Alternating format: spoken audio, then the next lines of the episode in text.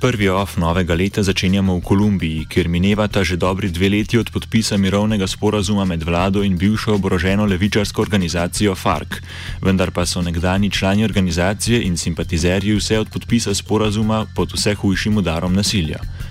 Glede na poročilo raziskovalne skupine Združenih narodov je v Kolumbiji v zadnjih dveh letih nasilne smrti umrlo 86 članov te marksistične organizacije, samo med septembrom in decembrom naj bi bilo takšnih umorov 14. Oblasti večinoma krivce iščejo v kartelih, ki so nastali iz desničarskih paravojaških skupin po razorožitvi leta 2006 in v oboroženih levičarskih organizacijah EPL in ELN. Spomnimo, da je novembra 2016 nekdaj, nekdaj največja oborožena levičarska organizacija FARC z vlado podpisala dogovor o razorožitvi. V zameno so njeni člani pridobili amnestijo, v parlamentu pa je oboroženo organizacijo nasledila parlamentarna stranka Skupna alternativna revolucionarna sila.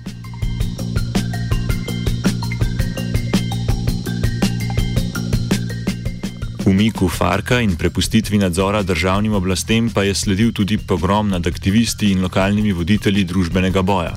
Po besedah kolumbijskega varuha človekovih pravic je bilo od podpisa sporazuma novembra 2016 v državi ubitih 423 borcev za socialne pravice, večera umorov pa naj bi se zgodila na območjih, ki jih je prenadzoroval Fark.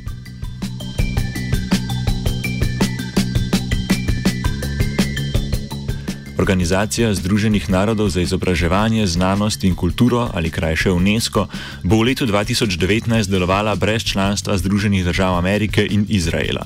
Z novim letom v veljavo stopa odločitev obeh držav, da izstopita iz organizacije, ki predstavlja eno glavnih velikih mednarodnih institucij na območju varovanja kulturne dediščine. Odločitev za izstop je že oktobra leta 2017 najavil ameriški predsednik Donald Trump, na kar je vzoru sledil še Izrael. Organizacija je večkrat pokazala kritično držo do izraelske okupacije in leta 2011 kot polnopravno članico sprejela Palestino. V protest članstvu sta prispevke v skupni sklad prenehala plačevati tako Izrael kot ZDA, katerih znesek je predstavljal 22 odstotni delež proračuna organizacije. ZDA so sicer prvič izstopile iz organizacije UNESCO leta 1984 pod predsednikom Ronaldom Reaganom, ko so organizacijo obtožile korupcije in širitve interesov Sovjetske zveze. Članstvo so Združene države na to obnovile leta 2003.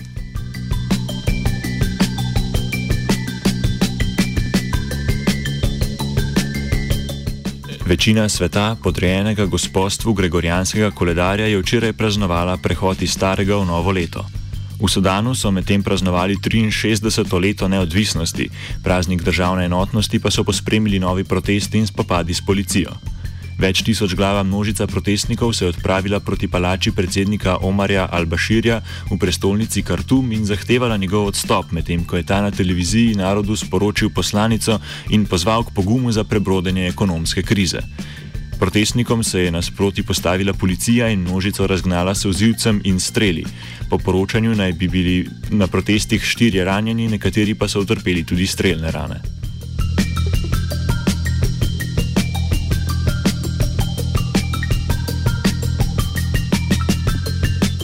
Od 19. decembra, ko so protesti izbruhnili v mestu Adbara na severovzhodu države, v več regijah vlada izredno stanje.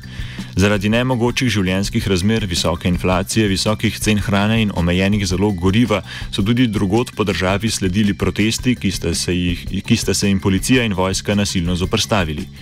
V spopadih naj bi po informacijah vlade do sedaj umrlo 19 ljudi, od tega dva pripadnika varnostnih sil, vendar nevladne organizacije poročajo, da je smrtnih žrtev še dvakrat toliko. Predsednik Omar al-Bashir sicer na mestu predsednika sedi že od leta 1989, ko je prišel na oblast po vojaškem udaru. Včerajšnji protest je sklicala Sudanska poklicna zveza, ki združuje različne poklice od zdravnikov, učiteljev do inženirjev. Protesti so potekali tudi ob koncu tedna, ko je policija aretirala vodjo opozicijske sudanske kongresne stranke. Neznano kam je bil odpeljan tudi pesnik Mohamed Taha, iz Zveze novinarjev pa so sporočili, da sta pridržana dva njihova člana.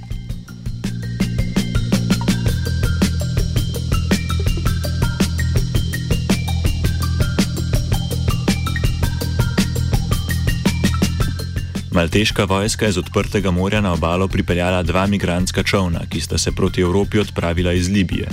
Na gumijastem čovnu je mornarica kakšnih 130 km od obale Malte pobrala 28 beguncev, na to pa so našli še lesen čovn s 152 ljudmi na krovu.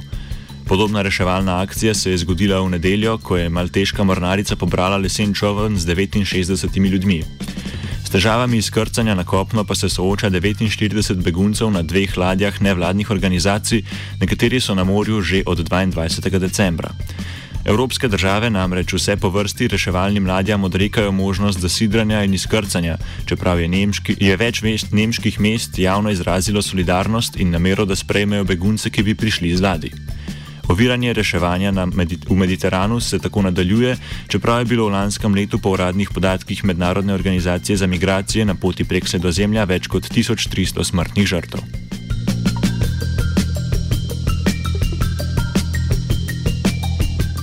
Leto 2019 ne bo nič bolj srečno od prejšnjega za ljubitelje iger na srečo v Albaniji. Z novim letom je namreč stopil v veljavo zakon, sprejet konec lanskega oktobra, s katerim je vlada prepovedala igralnice in stavnice tako na ulici kot na spletu. Z novim letom bo svoja vrata moralo zapreti več kot 4300 stavnic in igralnic po celi državi. V državi, ki ima manj kot 3 milijone prebivalcev, tako za vsakih 670 ljudi obstaja vsaj ena igralnica. Po zakonitih poteh naj bi Albanci za igre na srečo zapravili 140 milijonov evrov na leto, medtem ko vlada ocenjuje, da se na črnem trgu stavnic letno vplača okoli 700 milijonov evrov. Igre na srečo so z novim zakonom prepovedane zgolj za navadne državljane, igralnice bodo namreč lahko še naprej delovale v elitnih hotelih in turističnih rezervatih, ki bodo pridobili potrebno licenco. V boju proti odvisnosti od igranja na srečo bo zapiranjem uličnih stavnic in igralnic zaposlitev izgubilo predvidoma 8000 ljudi. Zakonom so bile prepovedane tudi spletne igralnice, mnogi ponudniki storitev pa so zaradi novega zakona že preselili svoje domene v Makedonijo, Črnogoro in Kosovo. OF je pripravil Jošt.